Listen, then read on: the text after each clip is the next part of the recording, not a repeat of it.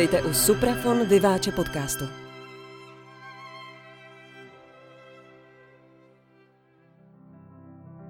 Hezký dobrý den, milí posluchači. Od mikrofonu Suprafon podcastu vás zdraví Marek Schulz.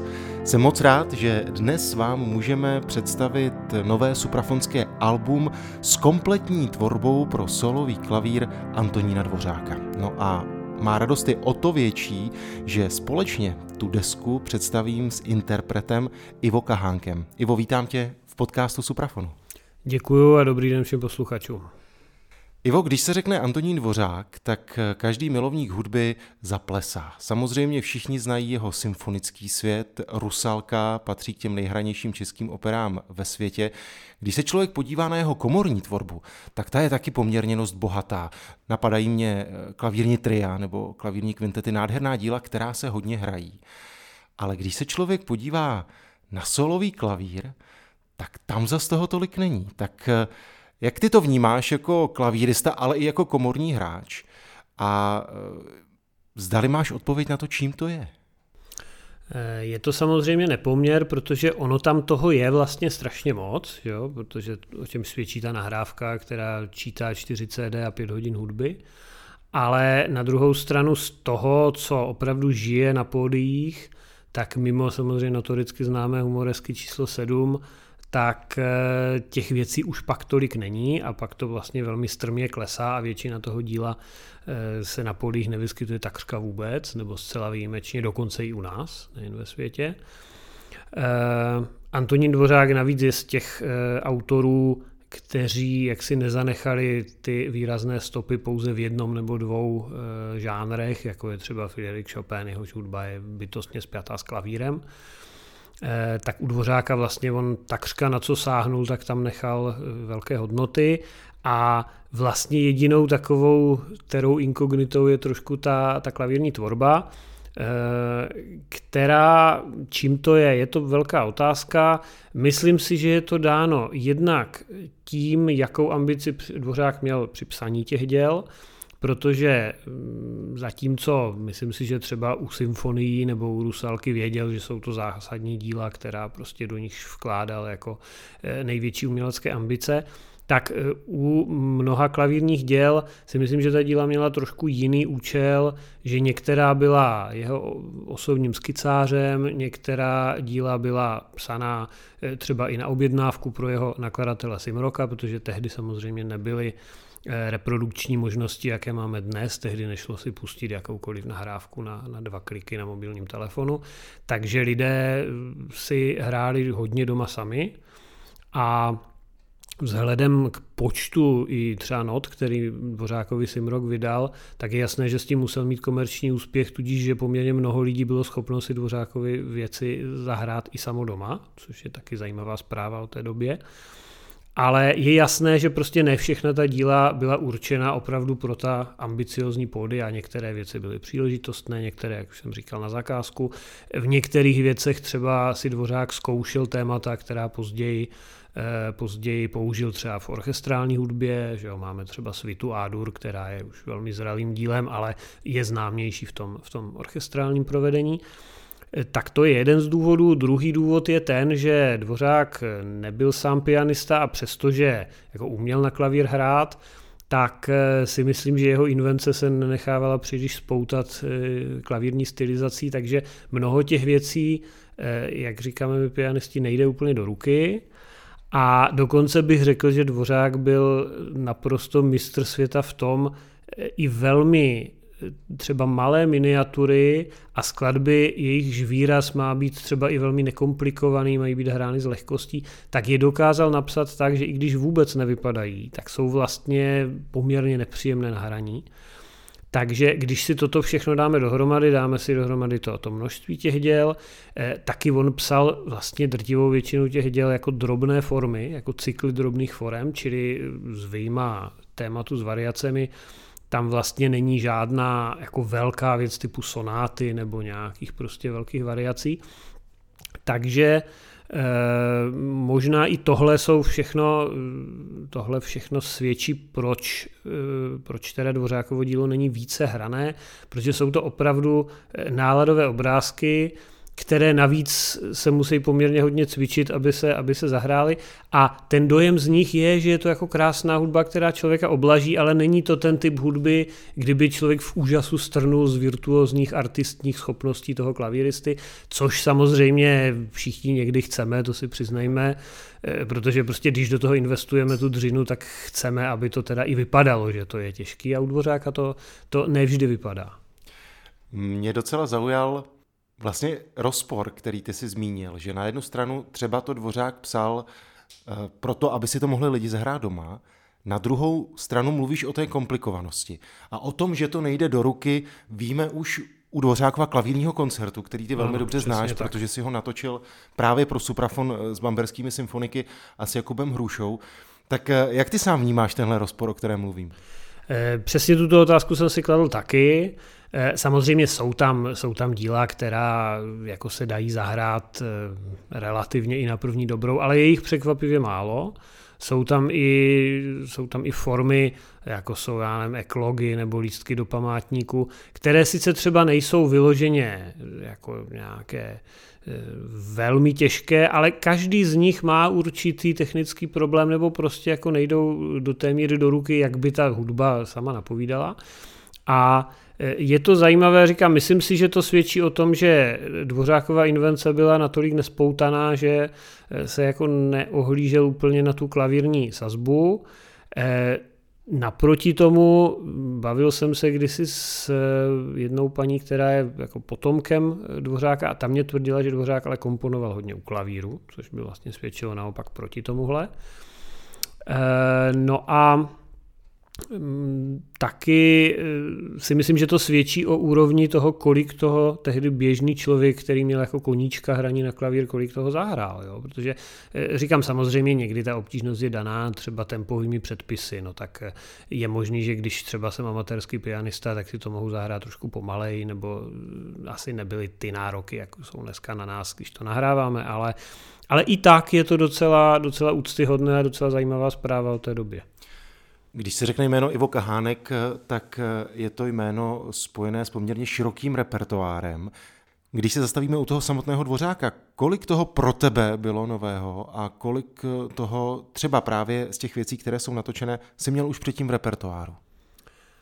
Já jsem asi nejdéle v repertoáru měl humoresky, celý komplet humoresek a svitu Adur, které jsem kdysi eh, hrál na recitálu ve Skotsku. No a pak se k tomu přidružily další věci, jako například kompletní poetické nálady a siluety, které jsem hrál na e, recitálu v Rudolfínu na Dvořákově Praze, což byl tedy e, celovečerní čistě dvořákovský recitál a na něj navazující klavírní maraton, kde jsem naopak hrál ty rané věci jako skotské tance a menuety a podobně.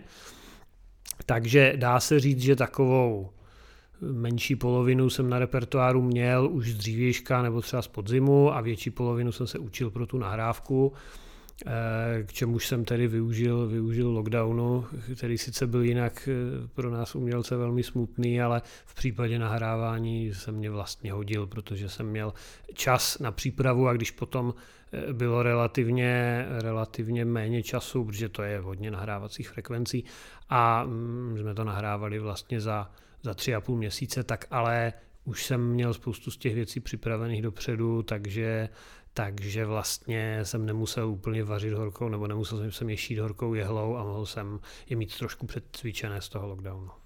To mě právě zajímá ten nahrávací proces.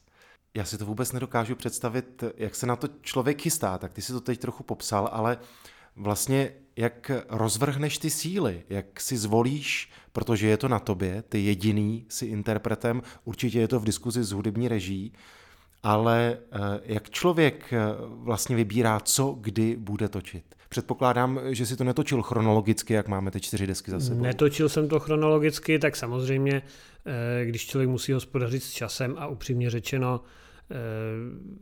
i s tím lockdownem a prakticky v jakékoliv situaci vždycky člověk trošku tím časem omezený je.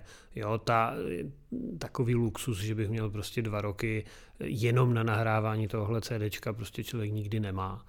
Ale samozřejmě jedna věc je ta, ta prozaická rovina, to znamená samozřejmě člověk začíná nahrávat věci, které má nejúsazenější, které už třeba víckrát hrál, nebo já to takhle aspoň dělám.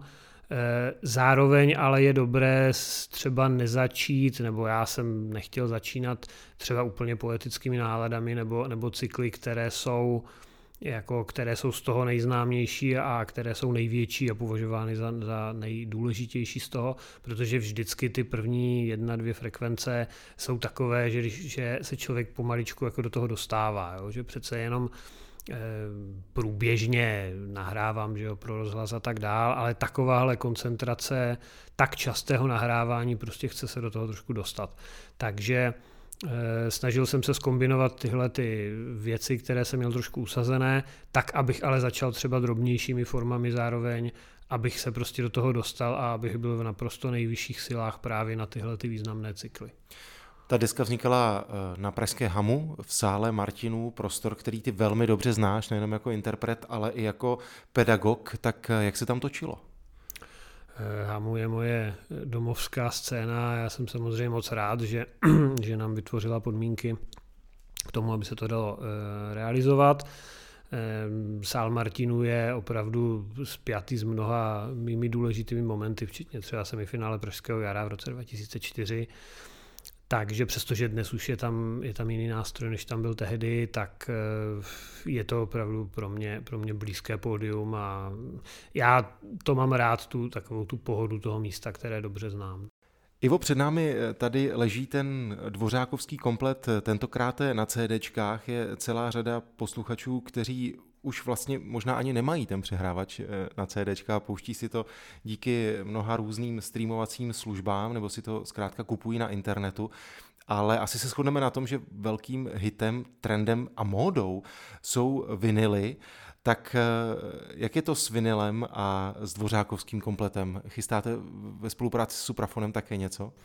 Eh, ano, tak ty samozřejmě narážíš na vinyl, který vychází souběžně s tímto kompletem.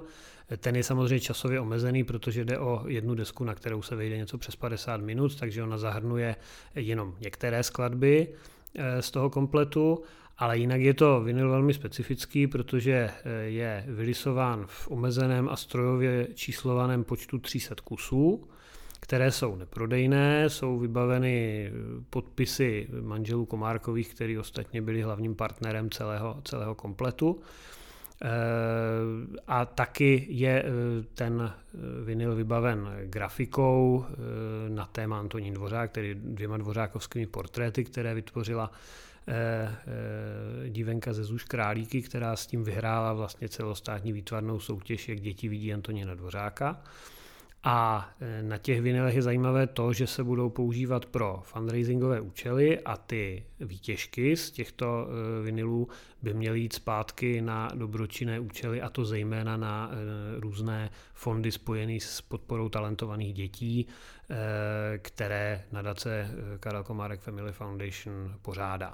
Takže já mám z toho vinilu velkou radost, protože přestože nebude běžně v prodeji, tak poslouží dobré věci a e, je takový vyveden v takovém retro designu, takže myslím, že se to k tomu Dvořákovi hodí. Teď mi napadá otázka, myslím, že to bude zajímat naše posluchače. Na čem ty si pouštíš vlastně muziku?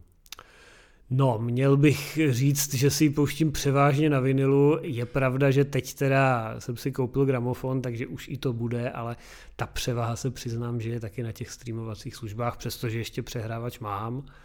Ale člověk, jak někdy těžce hospodaří s časem, tak si pouští hudbu různě v autě nebo si ji pouští někde na cestách, kde to jde. Takže jsem vybaven kvalitními sluchátky a ale kdy využívám těchto věcí také. Eh, pokud se nepletu, tak vlastně tvé trio nese také jméno Antonína Dvořáka. Když bychom srovnali právě ty jeho komorní věci, triové, které určitě máte na repertoáru, právě s tím solovým klavírem, tak eh, jak moc se liší, nebo naopak v čem jsou si podobné? Ta tria jsou samozřejmě daleko, daleko frekventovanější, i když ne všechna stejnou měrou. Samozřejmě nejhranější je trio Důmky, které je opravdu, dá se říct, světovým komorním evergreenem.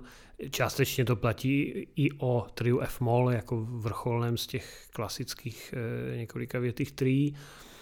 Ta ranější tria se hrají o něco méně, ale je jasné, že ta komorní stylizace je Dvořákovi strašně blízká tím, že on sám byl violista, čili hráč na smyčcové nástroje, tak v té v té komorní instrumentaci je podobně doma, jako je třeba v instrumentaci symfonické, takže eh, vlastně i pro pianistu, jakkoliv pořád je to poměrně těžké hraní a třeba konkrétně v každé té důmce je nějaké třeba aspoň jedno nepříjemné místo, ale v, ve srovnání s těmi klavírními věcmi se to vlastně hraje lépe a ta, ta symbioza s těmi smyčci je jako neuvěřitelně funkční. Eh, navíc samozřejmě stále tam zůstávají ty, ty neskutečně chytlavé dvořákovské melodie a ty, ty vrou, ten vroucný ohňostroj charakterů, nebo jak to říct.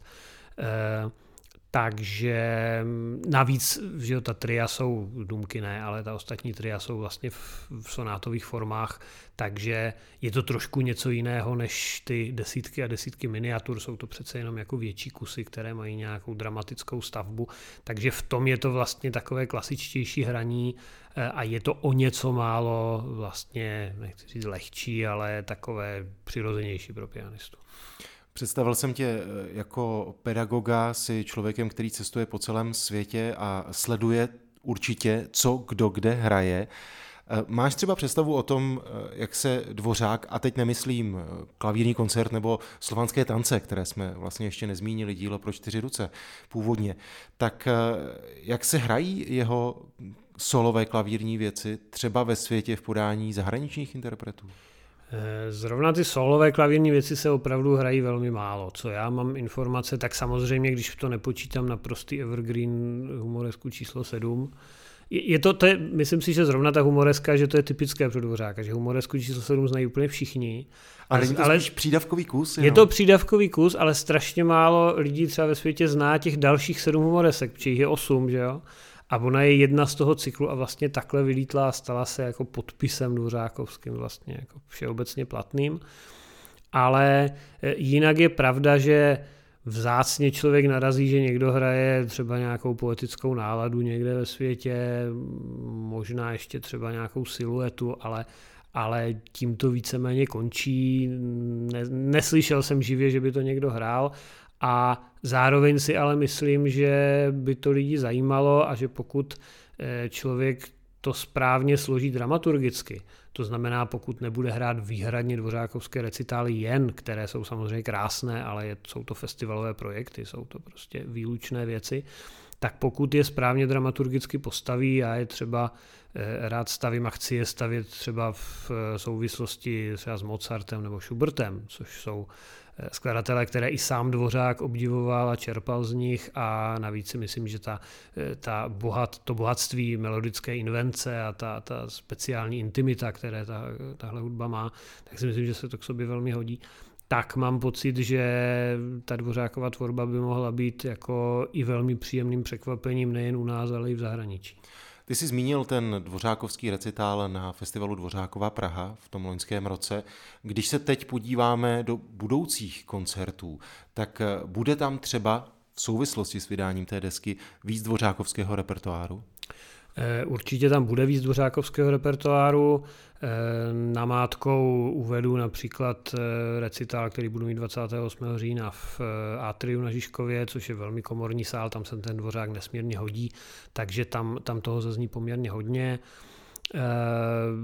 Plánuju zřejmě až spíš příští rok na jaře a dál nějaké turné nebo nějakou větší sérii koncertů zaměřenou právě na Dvořáka, kde bych chtěl právě Dvořáka zrcadlit ve srovnání buď e, s dalšími českými skladateli, což je taky zajímavé, protože samozřejmě my máme bohatou klavírní tradici, ať už mohu zmínit Bedřicha Smetanu, Bohuslava Martinu, Janáčka samozřejmě, tak e, právě ve spojení s těmi skladateli, který jsem jmenoval před chvilkou, možná, že mě napadne ještě další nějaké překvapivé spojení, ale chtěl bych prostě ukázat vybrané eh, kusy z toho dvořáka a zase nejen ty úplně super známé eh, v kombinaci a v tom zrcadle i jiných autorů, aby bylo vidět, že třeba ne 100%, ale podstatná část toho klavírního díla je vděčná a má, má nárok na, na žití. Napadá mě třeba Dvořák má krásnou sérii osmi valčíků, které se prakticky nehrají, přitom jsou velmi vděčné, velmi chytlavé, některé z nich jsou i poměrně hodně virtuózní a udělat například koncert, kde se potkávají eh, valčíky třeba Dvořákovi s valčíky Chopinovými, by mohlo být si myslím velmi, velmi vděčné, takže, takže ano, plánuju to. Ještě by mě zajímal tvůj pohled na tu Dvořákovu tvorbu eh, v průběhu jeho času, v průběhu jeho kariéry, protože ty skladby na těch čtyřech deskách vlastně ukazují celý jeho hudební život. Tak eh, jak moc se to proměňovalo, protože je mi jasné, že se to proměňovalo od těch mladistvých let až eh, po tu vyspělost, tak jak ty si to vnímal? Eh, proměňovalo se to poměrně dost, eh, samozřejmě některé ty proměny jsou výraznější, eh, pochopitelně proměna mezi těmi úplně ranými, řekl bych skoro dětskými pokusy, které mimochodem v tom kompletu jsou zastoupeny dvěma polkami, polkou Poměnko a polkou Perpedes, což jsou opravdu jako vlastně dětské takové kuriozity, ale na tomto kompletu jsou nahrány úplně poprvé, protože se nalezly poměrně pozdě. Eh, tak samozřejmě ta proměna od nich v ty, v ty další eh, mladistvé kusy je poměrně jako jednoznačná, protože tam už samozřejmě ta umělecká hřivna září, září naplno. Eh, no a pak je výrazná proměna k těm zralým věcem třeba amerického období, kdy ať už je to, ať už je to ta specifická harmoničnost humoresek nebo třeba i poetických nálad, že jo, svita, již jmenovaná Svita Ádur, tak to jsou vrcholná díla, kde eh, k té typické dvořákové upřímnosti a přirozenosti a fantastickým melodickým nápadům, až jako marnotratně eh, prostě posílaným, tak se přidává ta zvláštní, trošku cizokrajná harmoničnost, kterou známe třeba i z Novosvětské symfonie a podobně. A Eh, tím se, tím se vytváří velmi specifický, velmi poznatelný styl a tím se opět vracím k, k atraktivitě i toho klavírního díla, která si myslím, že by si zasloužila trošku víc, víc eh, propagace. Ostatně já jsem během lockdownu natočil pro firmu Bechstein takový takový recitál z české hudby, kde Dvořák byl velmi výrazně zastoupen a vím, že to mělo velmi hezké eh, reakce a právě hodně těch reakcí bylo překvapených, že ta světová hvězda Dvořák, že on takhle skládal pro klavír. Zmínili jsme tvé dvořákovské aktivity v rámci koncertů v České republice. Když se podíváme do zahraničí, tak eh, co tě čeká v těch následujících měsících nebo na co se nejvíc chystáš? Eh, samozřejmě to, to zahraničí je teď takové střídavé, protože některé části světa jsou obrazně řečeno stále zavřené, Ázie je dosti izolovaná, Amerika taky moc nefunguje, takže v Evropě samozřejmě jak která země, některé věci, jako například naše izraelské turné s Triem, je zatím odloženo na neurčito, protože prostě restrikce spojené s covidem jsou tam v tuto chvíli velmi silné. Nicméně já se opatrně těším na pár akcí, z nichž bych jmenoval například eh, dva festivaly v Itálii v listopadu, kde bych teda, teda nebudu hrát Dvořáka, nejbrž Beethovenu v pátý klavírní koncert. A pak eh, jeden debit, 8. prosince bych měl debitovat na, eh, v berlínském koncerthausu a tam je to solový recitál a tam Dvořáka hrát budu. Takže tam se těším, jako to bude takové první zahraniční promo té nové desky. Eh, nemohu si odpustit eh, otázku eh, na třeba plánovanou další desku. Máš už v hlavě něco, co bys rád natočil, třeba právě pro Suprafon? Zdali se o tom smí mluvit, to už nechám na tobě.